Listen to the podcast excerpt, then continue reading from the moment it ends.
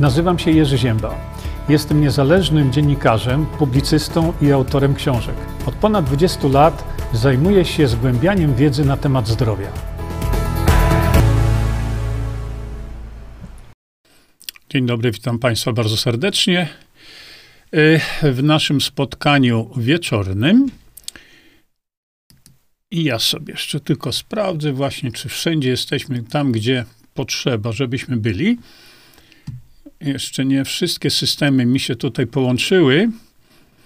I szczególnie tym z Państwa, którzy są nowi, wyjaśniam, że to jest ten moment, kiedy jesteśmy już na biegu, a dopiero wtedy ja mogę pewne rzeczy mm, posprawdzać, ale widzę, że już jesteśmy tutaj, więc e, możemy sobie e, nasze spotkanie dzisiejsze już tutaj rozpocząć. W związku z tym mm, ja tutaj zrobię tak. O.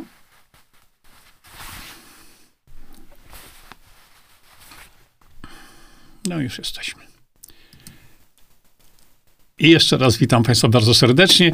Dzisiaj mamy taki słoneczny temat, mm, do którego za chwilkę dosłownie dojdziemy.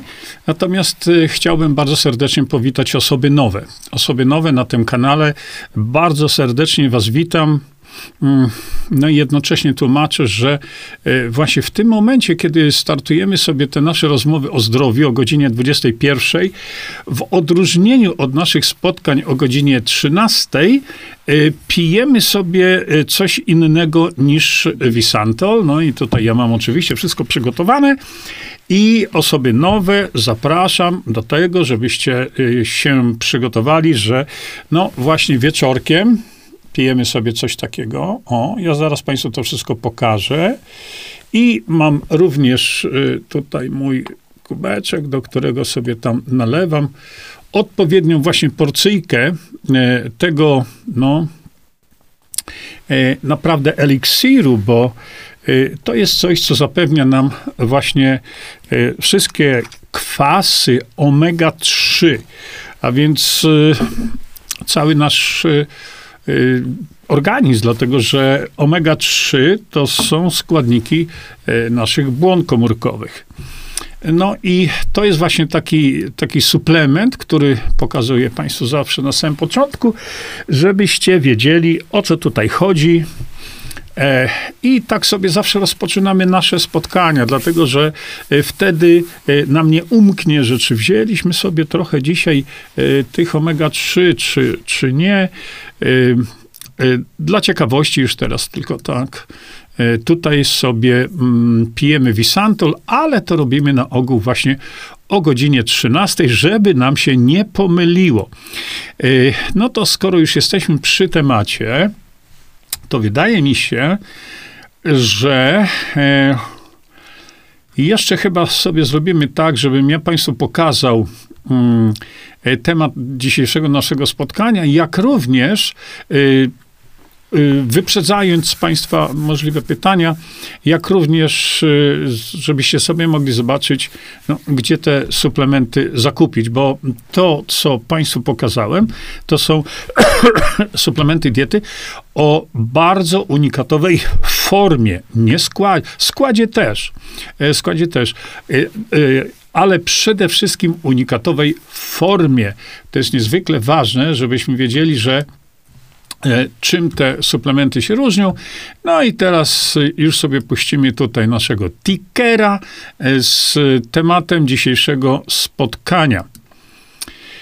Proszę bardzo, tu po prawym, e, po stronie prawej na dole macie, gdzie są suplementy Visanto do nabycia. No i temat dzisiejszego spotkania, witamina D3, fakty i mity. Szanowni Państwo, dlaczego zdecydowałem o tym powiedzieć dzisiaj? Dlatego, że od kilku lat, tak prawdę mówiąc, obserwuję w przestrzeni tutaj takiej suplementacyjnej, bym powiedział, yy, naprawdę ogromne, ogromne zainteresowanie witaminą D3, jak również widzę niestety przeogromne problemy yy, z przekazem yy, dotyczącym witaminy D3. dzisiaj w sesji południowej to widoczne było jak naprawdę, jak na dłoni, jak, drodzy Państwo, mm, jakie jest potężne nieporozumienie związane właśnie z witaminą D3. Tych z Państwa, którzy są tutaj dzisiaj nowi, E, e, jeszcze momencik sobie tylko popatrzę tutaj na jeden z naszych kanałów. Tak, już idziemy sobie. E, ci z Państwa, którzy są nowi, bardzo serdecznie Was tutaj witam. Dobrze. O co mi chodzi? Chodzi mi o to, że to już mija, słuchajcie, 10 lat temu, kiedy kiedy zacząłem interesować się witaminą D3, no i opisałem ją w pierwszej części ukrytych terapii. Oczywiście, y, oczywiście ja w tamtym czasie, w tamtym czasie mm, zaczynałem sprawy zgłębiać i tak dalej, i tak dalej. No i kiedy przyszło do tego, żeby, żeby się podzielić z, z Państwem tą wiedzą, mm, napisałem Ukryte terapie, część pierwsza. I tutaj właśnie od razu mówię, że tutaj opisałem dokładnie, o co chodzi z tą witaminą D3 i tak dalej, i tak dalej. Jak wiadomo, wiecie o tym, że wtedy mm, po opublikowaniu tej książki e, e, całe niebo już się roz, rozwiązało z, ze sprzedawcami, e, że tak powiem, witaminy D3, o której nikt nie wiedział, nikt nie słyszał, bardzo mało osób wiedziało i tak dalej. Ale nie o to mi chodzi. Chodzi mi o to, że w tej książce wyraźnie opisałem te podstawy takie, jak działa witamina D3, o co tutaj chodzi, jaki ma wpływ y, y, na co, jakie dawki i tak dalej, i tak dalej. Następnie, kiedy ta książka już się okazała i rynek suplementacji witaminą D3 w Polsce po prostu wybuchł jak gejzer, no, zacząłem obserwować coś, coś, co mnie bardzo niepokoiło i niepokoi mi mnie do dzisiaj i dlatego postanowiłem zrobić e, to nasze spotkanie. Mm, e, no, Jarku, to Jarek pisze, no niekoniecznie tak. E, dlatego chciałem sobie zrobić to spotkanie. Dlaczego? Nie będziemy tu, szanowni państwo, opisywać, co robi witamina D3, jak ona działa, po co ona jest i tak dalej, i tak dalej. Nie. Dzisiaj zajmę się tylko krążącymi mitami głównie. Fakty macie opisane, ale zajmę się tylko krążącymi właśnie mitami y, gdzieś tu w przestrzeni y, na temat y, na temat witaminy D. E, witaminy D3. Przypominam, przypominam, że ta książka jest już, e, e, jest już w postaci audiobooka. Możecie sobie słuchać do woli i to jest za darmo. Mariusz Biernat, nie, to jest złodziejstwo. To, co w tej chwili o tym napisałeś, nie będę tego komentował. W związku z tym przejdę do, teraz do tego meritum sprawy. Dlaczego jest tyle nieporozumienia, które ja staram się zwalczyć, i to robię to od lat, ale widocznie nie robię tego zbyt y, mocno, zbyt intensywnie. Ja już sam nie wiem. Y, otóż tak. Uporządkujmy sobie kilka takich faktów, a więc nie ma czegoś takiego jak właściwa dawka witaminy D3. Czegoś takiego nie ma. Dlatego, że każdy z nas inaczej metabolizuje. Jedni kupują taką, drugi kupują taką. Niektórzy mają niedobory magnezu, czy e, mają problemy z jakimiś pasożytami. Wtedy ta wchłanialność będzie zaburzona. Więc to jest numer jeden. A więc y, nie można stosować się do czegoś, co mówią lekarze na przykład, którzy popełniają karygodny błąd, mówiąc o tak zwanej dawce i tu znowu, nie ma znaczenia ta dawka. Ja to Państwu y, mówiłem, pisałem w nieskończoność. Co ma znaczenie? No, zupełnie coś innego. Znaczenie ma to, ile tego metabolitu 25H y, krążącego po naszym organizmie, ile tego metabolitu znajduje się w naszej krwi. To jest najważniejszy parametr. Nie ma parametru innego, który by zastąpił to. E, I teraz następna sprawa. Jeżeli my rozumiemy już teraz, że nie liczy się dawka, liczy się stężenie metabolitu 25OH. I tutaj, drodzy Państwo, jest ten problem, z którym ja się zmierzam cały czas, yy, dlatego że, dlatego że staram się od lat tłumaczyć, że ta dawka nie ma znaczenia, że znaczenie ma stężenie 25H tego metabolitu. I tu zaczyna się ten problem. Przepraszam bardzo, ja chcę tylko sobie tutaj e, teraz coś zrobić. I tu zaczyna się naprawdę ten problem. Dlaczego? Dlatego, że pojawiają się jakieś cudaczne informacje dotyczące tego, e, jakie powinno być stężenie 25H. Jeśli chodzi o dawkę, temat zamknięty. Nie ma dawki. Nie ma dawki konkretnej, e, to tylko lekarze wielokrotnie się w to bawią. Natomiast ze względu na, tak jak powiedziałem, te różnice w organizmie, różnice metabolizowania, różnice w produkcie nawet, to z biologicznego punktu widzenia liczy się tylko stężenie 25H. I tutaj dochodzę do dramatu. Dlaczego?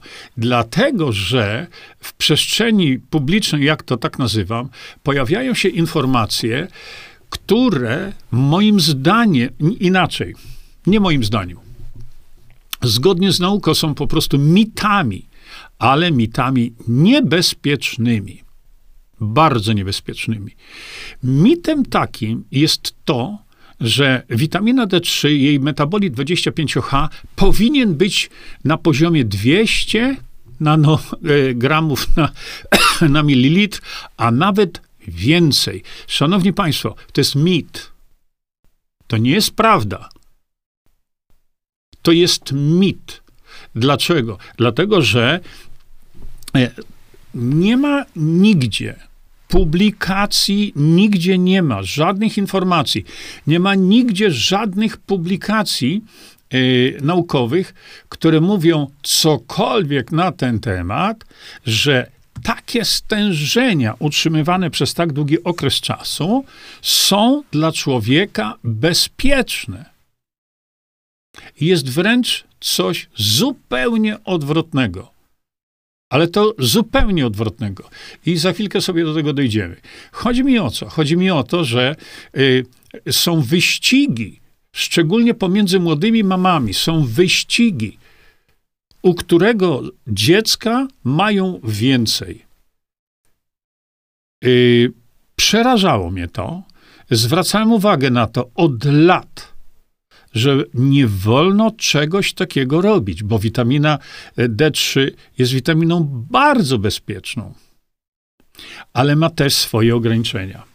I teraz, e, kiedy mówimy o tych wszystkich dawkach i tak dalej, szanowni państwo, mija już chyba 5 lat, może 6, kiedy publicznie żeby to udowodnić publicznie, robiłem coś takiego. Ja tutaj mam, tylko muszę zerwać plombę, momencik.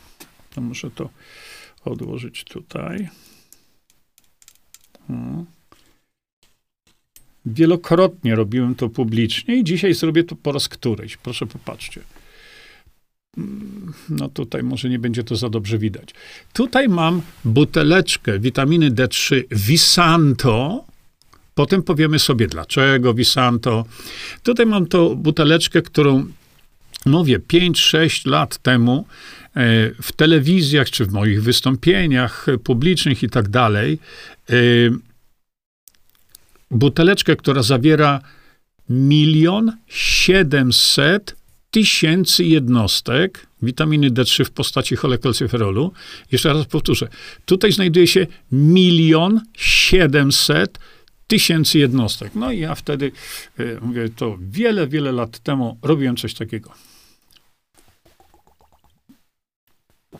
Jest dużo.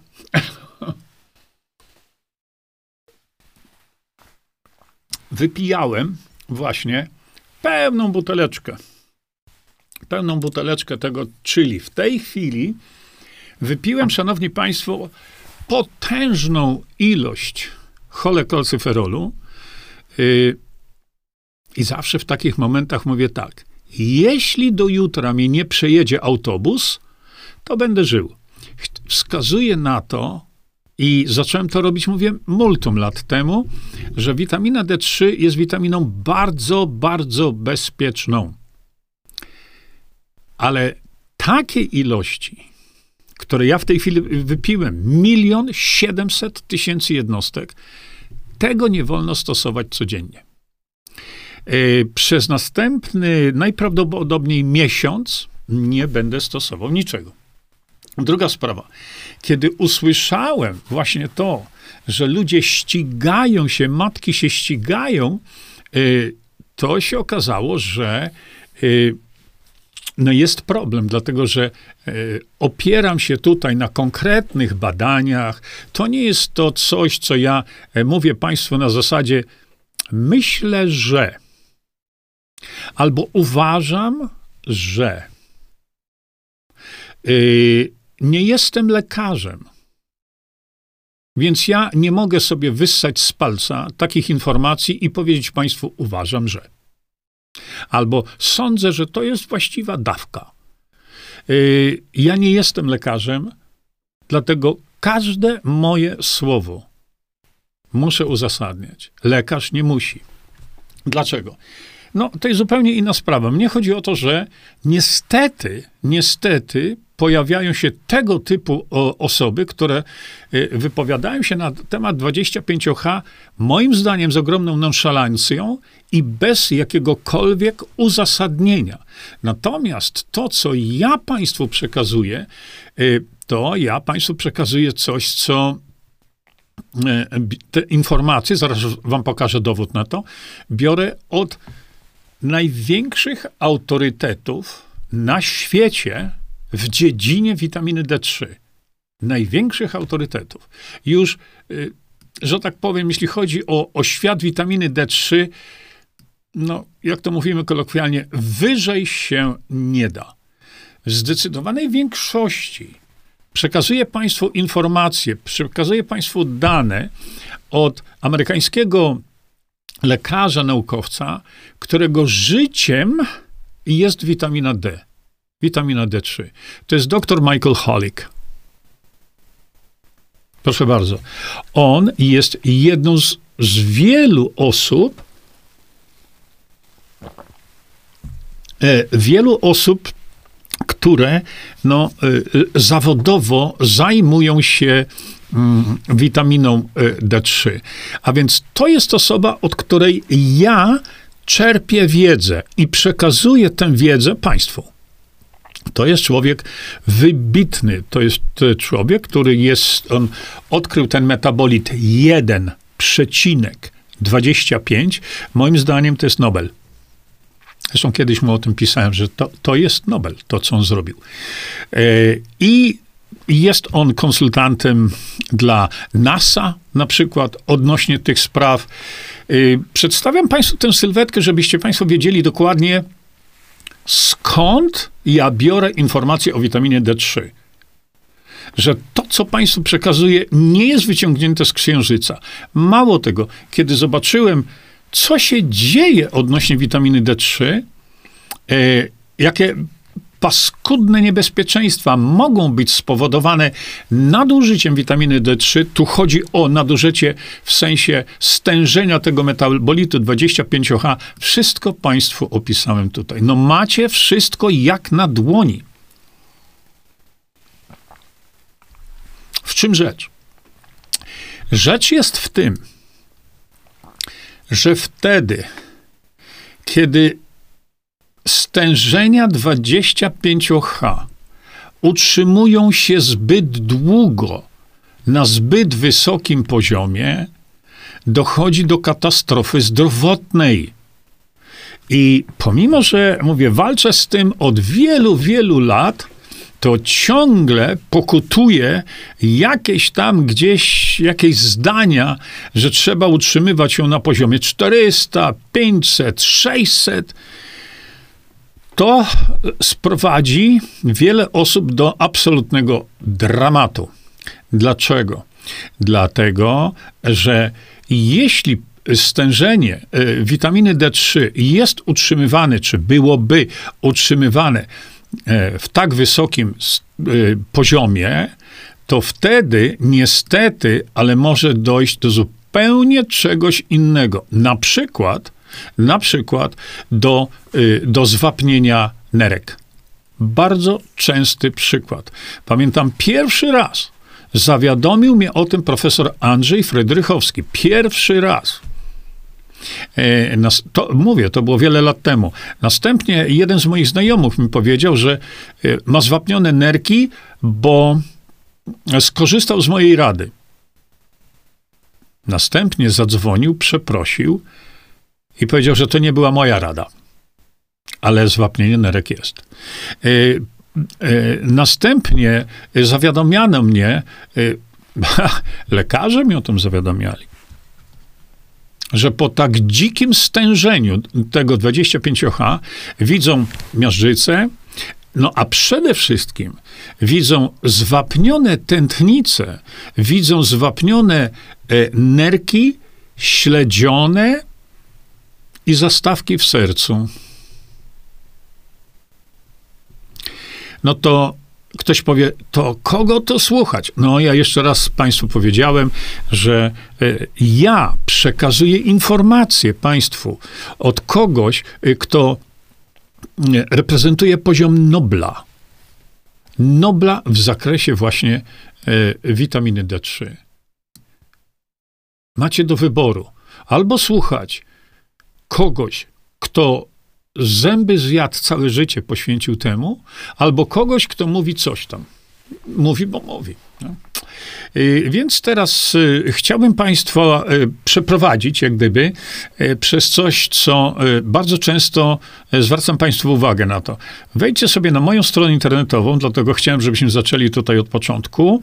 Robiliśmy sobie dzisiaj w południe, ale wybaczcie, zrobimy to teraz, bo temat jest niezwykle ważny. Klikniemy sobie tutaj w TV. Proszę bardzo. Szanowni Państwo, macie tutaj oprócz moich książek, wypowiedzi i tak dalej, macie, szanowni Państwo, dwa filmy. Proszę popatrzcie. Witamina D3. Czy może szkodzić? Y, część druga. Ciemna strona witaminy D3. Czy witamina D3 może być szkodliwa? Proszę bardzo, popatrzcie. I teraz w ogromnym skrócie, bo y, chciałbym tylko Państwu to przekazać, pokazać, ale już dalsze zgłębianie tego tematu pozostawiam Wam. W tym filmie pokazałem Państwu, jak niebezpieczne może być to stężenie 25H na poziomie y, powyżej y, 200. To nie jest moja wiedza, szanowni państwo. Ja ją wam przekazuję od naukowców, którzy zbadali to zjawisko. Proszę popatrzcie, to jest, to jest bardzo istotne. E, jeżeli stężenie witaminy 20, stężenie 25H jest małe, bo tu jest ten zakres niski, to tak zwana śmiertelność ogólna, określana e, w jakiś tam sposób tym parametrem wynosi 2,5. I teraz proszę popatrzcie.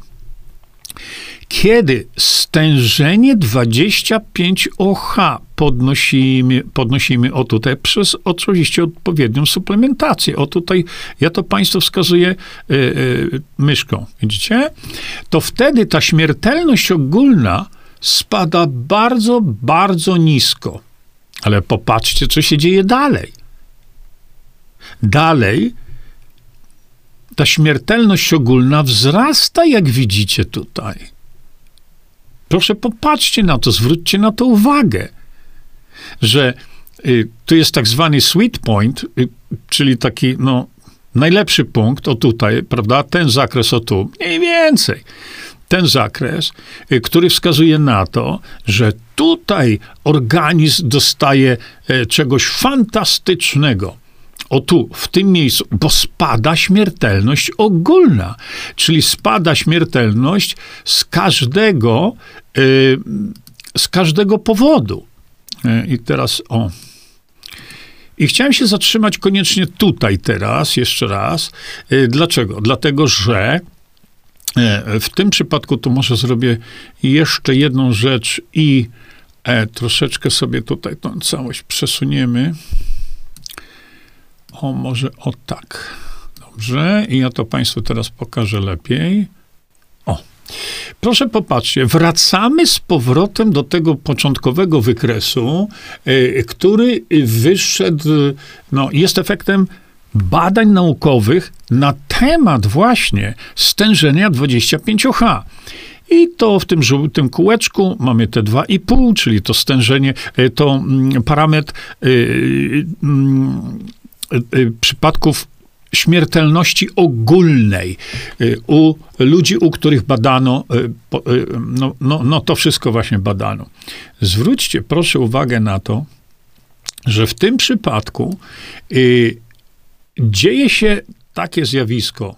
Otóż spada tutaj e, śmiertelność ogólna, dochodzi do tego tutaj punktu i ona następnie, im więcej o tutaj dodajemy witaminy D3, czyli stężenie 25H podnosimy, tym to wzrasta. No i teraz ja sobie zrobiłem taki prosty na kawałku kartki wykresik, gdzie zakłożyłem, że dalszy wzrost, o tutaj, drodzy Państwo, tutaj, gdzie widzicie moją strzałeczkę, że dalszy wzrost jest wzrostem liniowym że nie jest wzrostem y, E, eksponencjalnym, czyli, czyli nie wzrasta, y, jak y, mamy taki typowy przykład paraboli.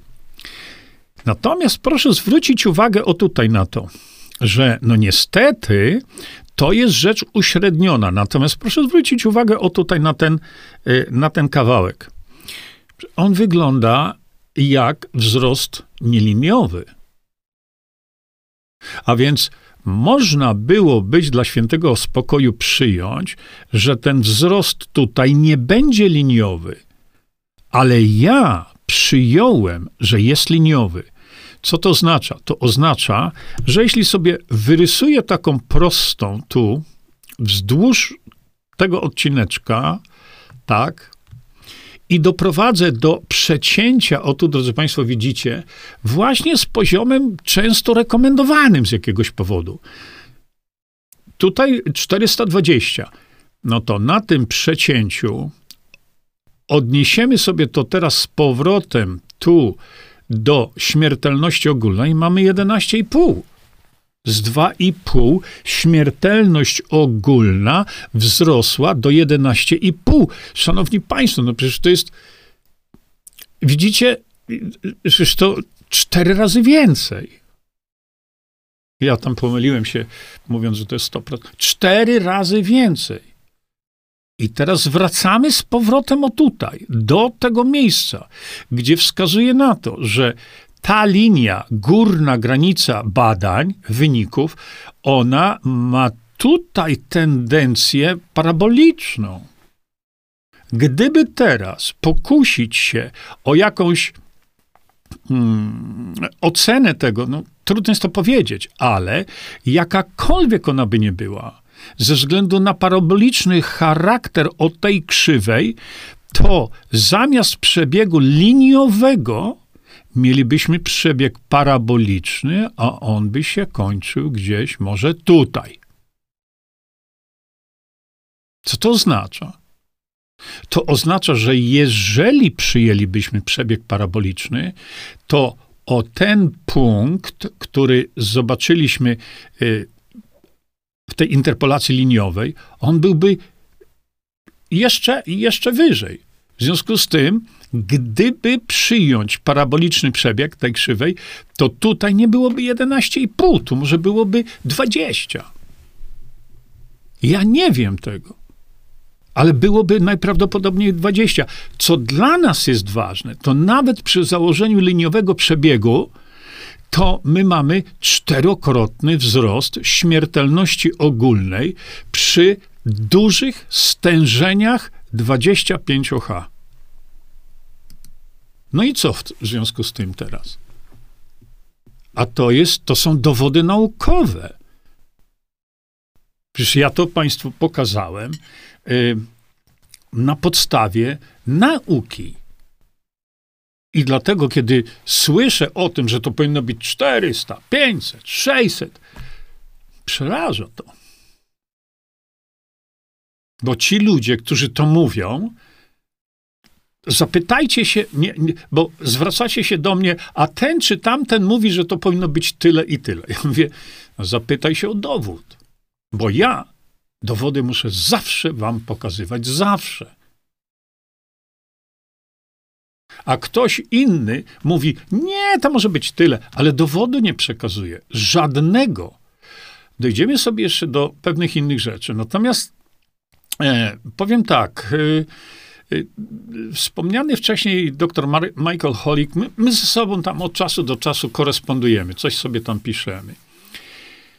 Pamiętam jak dzisiaj, kiedy kilka lat temu y, była rozmowa na temat konieczności badania metabolitu 1,25H. Ja mówiłem, to nie ma sensu ale znowu pojawiały się jakieś e, e, autorytety, eksperci internetowi, którzy oczywiście wiedzieli lepiej.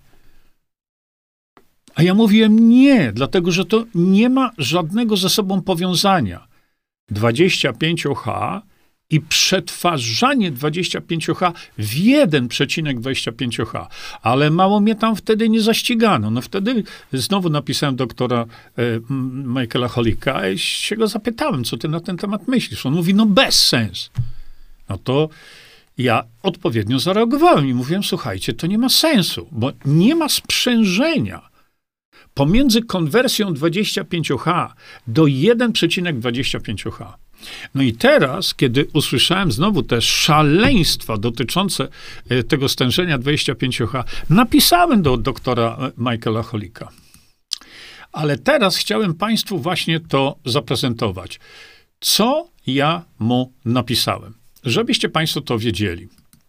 Otóż napisałem do niego tak, e, że witaj Michael, no, znamy się. W Polsce tak jak widzicie Państwo tutaj, ja tego nie przetłumaczyłem tak dokładnie na język polski, y, ale y, zobaczcie, napisałem do niego mniej więcej tak. W Polsce niektórzy lekarze sugerują, że właściwy poziom 25H e, powinien być utrzymany na minimum 400 nanogramów. Niektórzy nawet mówią, że 600.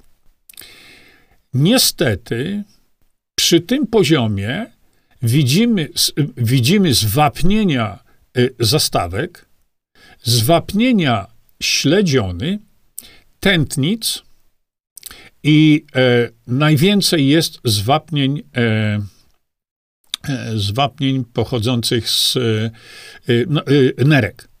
Najczęściej to się dzieje. No i teraz m, napisałem do niego tak, właśnie, to macie wszystko.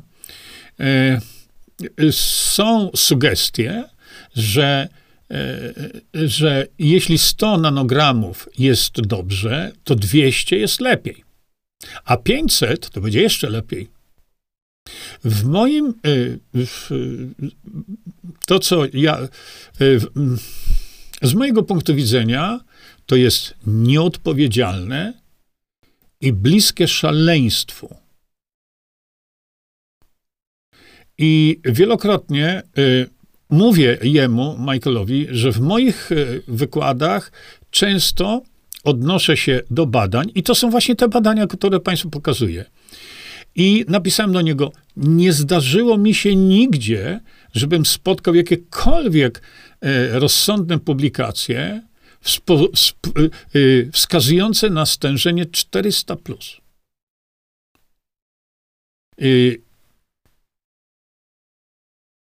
Nie widziałem jeszcze takich publikacji nigdzie.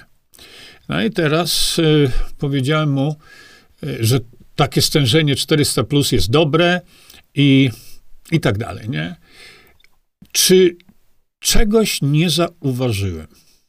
Prawda? No bo biorę pod uwagę to, że przecież mogą, nie jestem Duchem Świętym, może czegoś nie zauważyłem.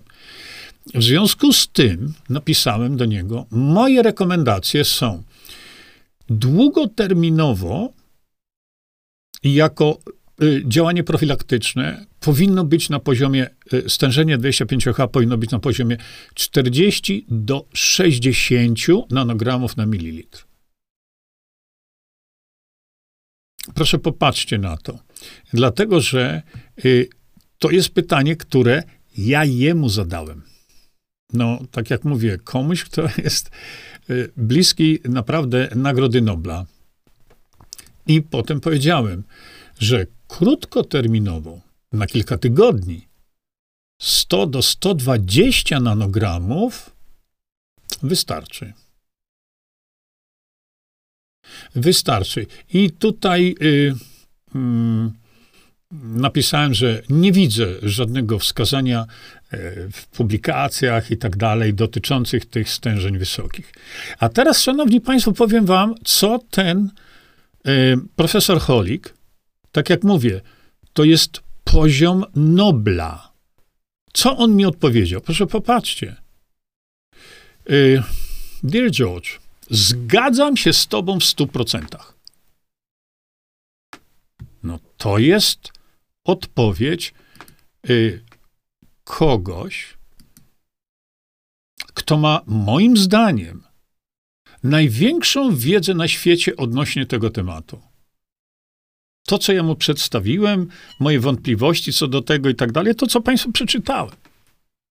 I on się ze mną zgadza w stu procentach absolutnie nie ma żadnego powodu, żeby utrzymać stężenie 25H powyżej 100. Z jednym wyjątkiem. Teraz uważajcie. Ja również nie sądzę, nie myślę, że jest konieczne utrzymywanie, utrzymywanie stężenia powyżej 100. Dobrym stężeniem, bezpiecznym i skutecznym jest 40 do 60. Przecież to właśnie to właśnie mu napisałem. I do 100 jest uważane za bezpieczne. Szanowni Państwo, przecież e, ci z Państwa, którzy mnie obserwują od długiego czasu, wiedzą o tym, że to, co potwierdził mi gość na poziomie Nobla, on to potwierdził. Ja mówię to od lat. Mówię to od lat, że tylko w pewnych przypadkach. No i proszę popatrzcie, E, z jednym wyjątkiem, i za chwilkę to też sobie omówimy, z jednym wyjątkiem, e, gdzie e, używając protokołu Combry, lecząc schorzenia z autoimmunologii, to wydaje się pracować, czyli te wysokie stężenia. Ci pacjenci mogą utrzymywać Y, krążące we krwi, prawda, stężenie w zakresie 200 do 400 nanogramów bez hiperkalcemii, e, bez hiperkalciurii. Ponieważ oni są na diecie, która zawiera, która nie zawiera wapnia. Widzicie? E, on mówi, leczyłem kilku pacjentów ze stwardnieniem rozsianym, zgodnie z tym protokołem, e, Combria to jest e, chyba inżynier też. Y, I pomogłem tam i tak dalej. Zobacz tutaj, dostał, podesłał mi coś. E, jeszcze tutaj załącznik. Szanowni Państwo, no i co teraz? No co teraz? Naprawdę chcecie słuchać kogoś, kto nie ma żadnych podstaw, a przynajmniej do dzisiaj, ja nie widziałem żadnych podstaw badań klinicznych długoterminowych, tak jak zrobiono tutaj, wskazujących na to, co takie potężne stężenie daje.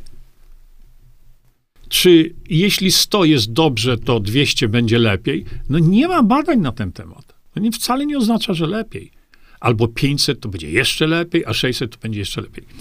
Wrócę do wspomnianego tutaj przez Michaela tego e, e, protokołu Combray.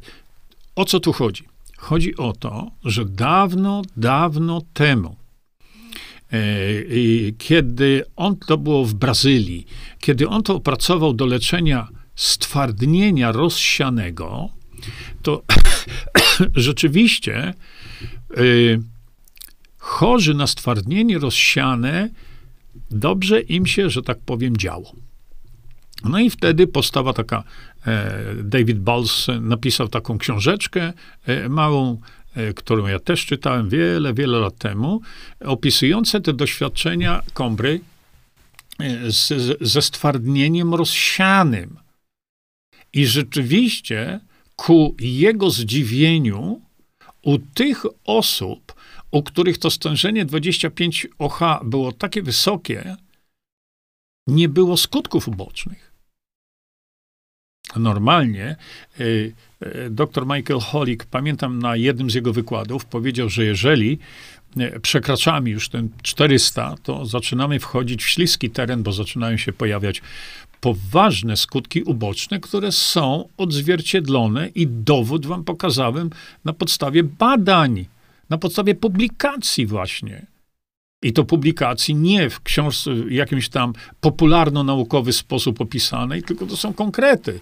Chcecie, to proszę bardzo, wejdźcie sobie tam na te badania i zobaczcie sami. Zmierzam teraz do tego stwardnienia rozsianego. Otóż e, wtedy, a to było już, jeśli dobrze pamiętam, to było już, to było te, te, właśnie te eksperymenty, które robili właśnie w, w Brazylii, to było dobrze ponad 25 lat temu. Ale dzisiaj my wiemy dużo więcej na temat y, stwardnienia rozsianego. Dzisiaj my potrafimy zidentyfikować parę innych rzeczy, czynników, które powodują, że pacjenci ze stwardnieniem rozsianym y, no, przywracani są normalnemu życiu. Y, dzisiaj my rozumiemy dużo więcej, jaką rolę w takiej, e, w takiej suplementacji odgrywają inne jeszcze czynniki. Bo okazuje się, że stwardnienie rozsiane to wcale nie jest tylko to, co nam się do tej pory mówiło. I dlatego tutaj macie, drodzy Państwo, to opisane, e, jeśli chodzi o stwardnienie rozsiane. Natomiast faktem jest, że wtedy stosowano te duże ilości, e, wysokie stężenia 25H, ale to było tylko w przypadku stwardnienia rozsianego. A reszta? No reszta, tak jak wskazują właśnie badania, y, śmiertelność ogólna wzrasta. Czy macie jakiekolwiek podstawy merytoryczne w postaci rzetelnych, długoterminowych badań naukowych, nie opisane w jakiejś tam książeczce, że stężenie u przeciętnego człowieka e, jest bezpieczne? No takie coś nie istnieje. No i Michael Holick, mówię, facet, który ma wiedzę na temat witaminy D3 na poziomie Nobla. I co teraz? No, o to mi chodziło, żebyśmy dzisiaj wyprostosowali, wyprostowali sobie parę rzeczy. Stwardnienie rozsiane, tak jak opisałem tutaj. Y, y, pacjenci ze stwardnieniem rozsianym, im można pomóc, ale nie tylko stosując kosmiczne stężenia witaminy D3. Podejrzewam dzisiaj, wiedząc co wiem, że w tym przypadku można zejść niżej, dużo niżej z tą witaminą, z tym stężeniem 25H, stosując jeszcze inne y, środki zaradcze. Przecież opisałem, że na przykład mm, w Stanach Zjednoczonych przepięknie niektórzy lekarze leczyli, ste, leczyli, mm, leczyli a e, e, właśnie stwardnienie rozsiane E, leczyli e, wlewami wody utlenionej. Na co to wskazuje? No, wskazuje to może na to, że przyczyną możliwą stwardnienia rozsianego mogą być jakieś inne patogeny, które pod wpływem dobrego natlenienia organizmu giną, bo e, pod wpływem właśnie e, tlenu, tlenu molekularnego, e, wiele takich patogenów ginie. A my jeszcze dzisiaj mamy inne jeszcze możliwości zadziałania na tego typu patogeny. Przecież to, co pokazałem niedawno, jeśli chodzi właśnie o to, że mm, w przypadku stwardnienia rozsianego, w przypadku stwardnienia rozsianego, niszczona jest osłonka ta e, na nerwach, tak zwana mielina.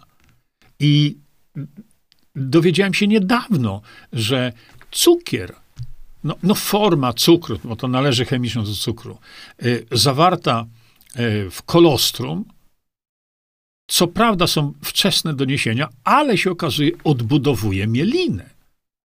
Gdzie ten cukier jest? No w kolostrum. Czyli e, e, tak jak powiedziałem, jeśli chodzi o to stwardnienie rozsiane, bo zaraz wrócimy sobie do witaminy D3, jeśli chodzi o to stwardnienie rozsiane, to dzisiaj dysponujemy dużo szerszą wiedzą na temat E, na temat stwardnienia rozsianego i nie musimy, moim zdaniem, dzisiaj koncentrować się tylko, tak jak było to 25 czy 30 już w tej chwili lat temu, na zastosowaniu jednej witaminy do leczenia no, poważnej choroby, jaką jest stwardnienie rozsiane. A więc dzisiaj, stosując takie podejście znacznie szerokie, znacznie szersze spektrum terapii, y, osoba ze stwardnieniem rozsianym, moim zdaniem, może dostać y, pomoc, której 25 lat temu może by nie dostała. Y, uważam, że wielką pomocą u takich osób byłaby klawiterapia. I teraz, jeśli mamy osobę no, z tym poważnym schorzeniem, e, bo ono e, może występować no, e, w rzucie bardzo poważnym lub w takim, że tam nie jest tak najgorzej. Poza tym my wiemy, że zastosowanie klawiterapii w tego typu uszkodzeniach, w tego typu schorzeniach może zadziałać cuda. Cuda. Ja mówię tu o właśnie, o właśnie mm, stwardnieniu rozsiadłym. No niestety, z ogromną przykrością muszę powiedzieć, że y, na rynku polskim pojawiły się, e, pojawiły się suplementy diety przez bardzo szeroko reklamowaną firmę w tej chwili. Reklamują ją lekarze, profesorowie medycyny. Szaleństwo. Te suplementy sprzyjają powstaniu stwardnienia rozsianego. Sprzyjają. A przecież stwardnienie rozsiane to wcale nie musi być przyczyną, wcale nie musi być e, jakiś taki patogen. Może być, jak, jak tutaj wskazują. E, nie chcę tu wchodzić, szczególnie e, właśnie w stronę stwardnienia rozsianego, bo opisałem to Państwu wszystko. Macie przed sobą, wystarczy naprawdę przeczytać. Chodzi mi o to, że e, to, co było 30 lat temu, czy 25, my dzisiaj dużo wiemy więcej na ten temat, jak leczyć. Natomiast zwracam uwagę na te mity, że, które są potwierdzone przez no, profesora Ma Michaela Holika. Stężenia takie wysokie są bardzo, bardzo niebezpieczne. E, natomiast jeśli, jeśli ktoś chce, to jego wola. Podnoście sobie do tysiąc, jak chcecie. Ja tylko informuję, czym to grozi i uzasadniam to, dlaczego tak mówię i na jakiej podstawie to mówię. A nie dlatego, że ktoś tam w telewizji, bo jest osobą znaną, mówi, trzeba tyle. No, jak ja bym tak pojechał, to byłoby po mnie, gdybym zaczął mówić takie rzeczy. Jest następna historia. E, szanowni Państwo, y, Witamina, tak jak powiedziałem, witamina D3 jest witaminą naprawdę bardzo bezpieczną, tylko tak jak e, z Państwu wspomniałem, e, no musi to być w odpowiedni sposób i tak dalej.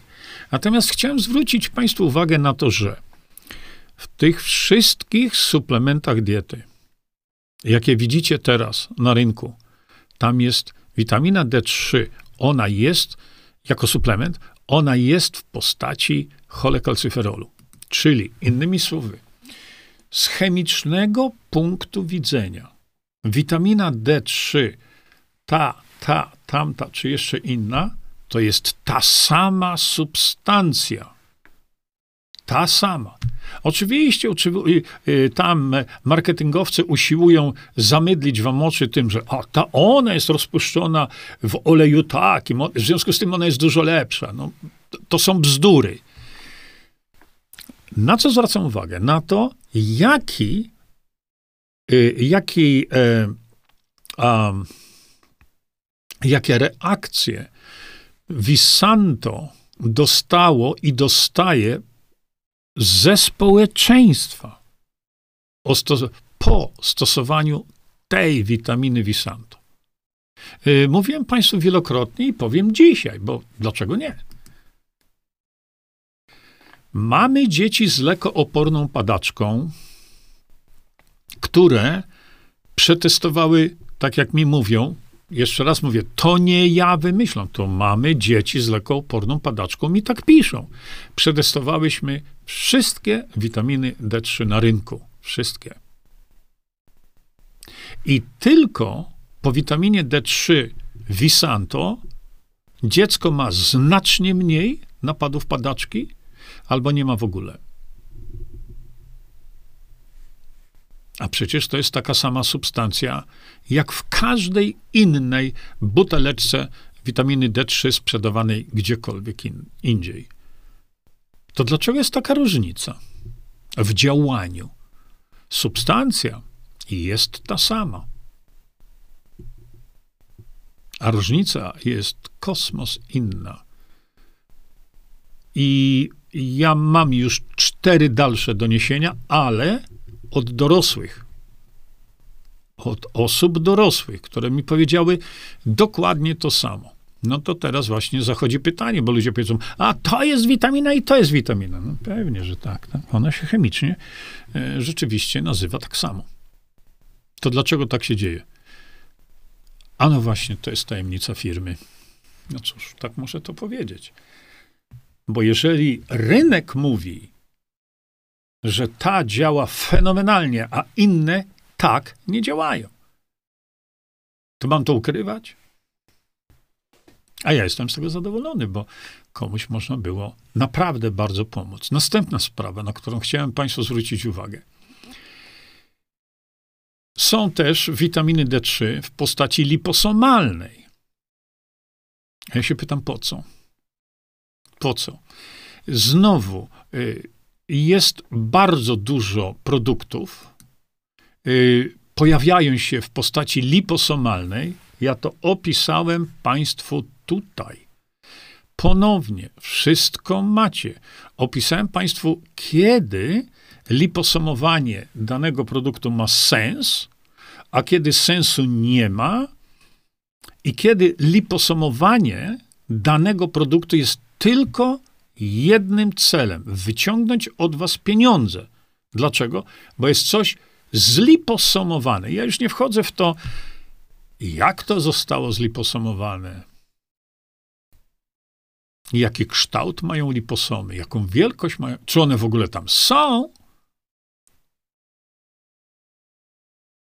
Ale są witaminy, na których nam zależy, żeby one powoli się wchłaniały na przykład witamina B3 w postaci kwasu nikotynowego. Nam zależy, żeby to był proces powolny. Wiesz, e, kwas nikotynowy pięknie się wchłania, już z poziomu żołądka, prawda? Weźmiemy trochę tego kwasu nikotynowego i już nas pieką policzki, tak? A my jeszcze mówimy, a ta jest liposomalna, to znaczy lepsza.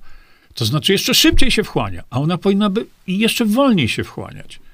A witamina D3 po co? No, no po co? Ona pięknie się wchłania, tylko ona musi być wysokiej jakości. Bo bez tego będzie e, naprawdę ogromny problem. E, dlatego chciałem, bo ja już, tak jak powiedziałem Państwu, napisałem się i omówiłem e, dziesiątki godzin, ale ciągle słyszę tego typu rzeczy, które dla mnie w oparciu o wiedzę, którą mam, a wiedzę, którą mam, jest w oparciu o wiedzę naukowców, tak jak mówię, z poziomu nabla, ciągle pokutuje jakieś. Im więcej, tym lepiej. I te mamy ścigają się, a my już mamy 400. Czy tam mama zastanawia się, co ona temu biednemu swojemu dziecku szykuje? No bo, tak jak widzieliście, nauka pokazuje zupełnie coś innego. Dlatego nie wiem, co jeszcze mogę Państwu powiedzieć, e, właściwie już na zakończenie, ale no, proszę to przemyśleć. Możecie, e, jeśli słyszycie, a ten powiedział 100, a tamten 200, ten 500, ten 600, poproście o uzasadnienie merytoryczne, poproście o uzasadnienie długoterminowymi badaniami. Tak jak pokazuję to ja. I nie piszcie do mnie, a co pan sądzi na temat tego, że ten i tamten powiedział, że to ma być tyle. Mnie to nie obchodzi. Obchodzi nie, mnie wiedza i obchodzi mnie rzetelność w tym wszystkim i taką wiedzę w taki sposób ja Państwu e, przekazuję. Być może jeszcze coś tam pominąłem, ale to już e, powiemy sobie w następnym może odcinku. Serdecznie Państwu dziękuję za uwagę. Mam nadzieję, że to było informacyjne. E, no i teraz tak, jeśli, jeśli spotykacie się z takimi opiniami, to bardzo proszę, prześlijcie tym osobom link chociażby do tego dzisiejszego streama. Chociażby. I poproście uzasadnienie. Bo tytuł nas nie obchodzi. Nas obchodzi uzasadnienie merytoryczne czegoś takiego. Dziękuję bardzo Państwu za uwagę. Muszę to jeszcze tutaj Państwu pokazać.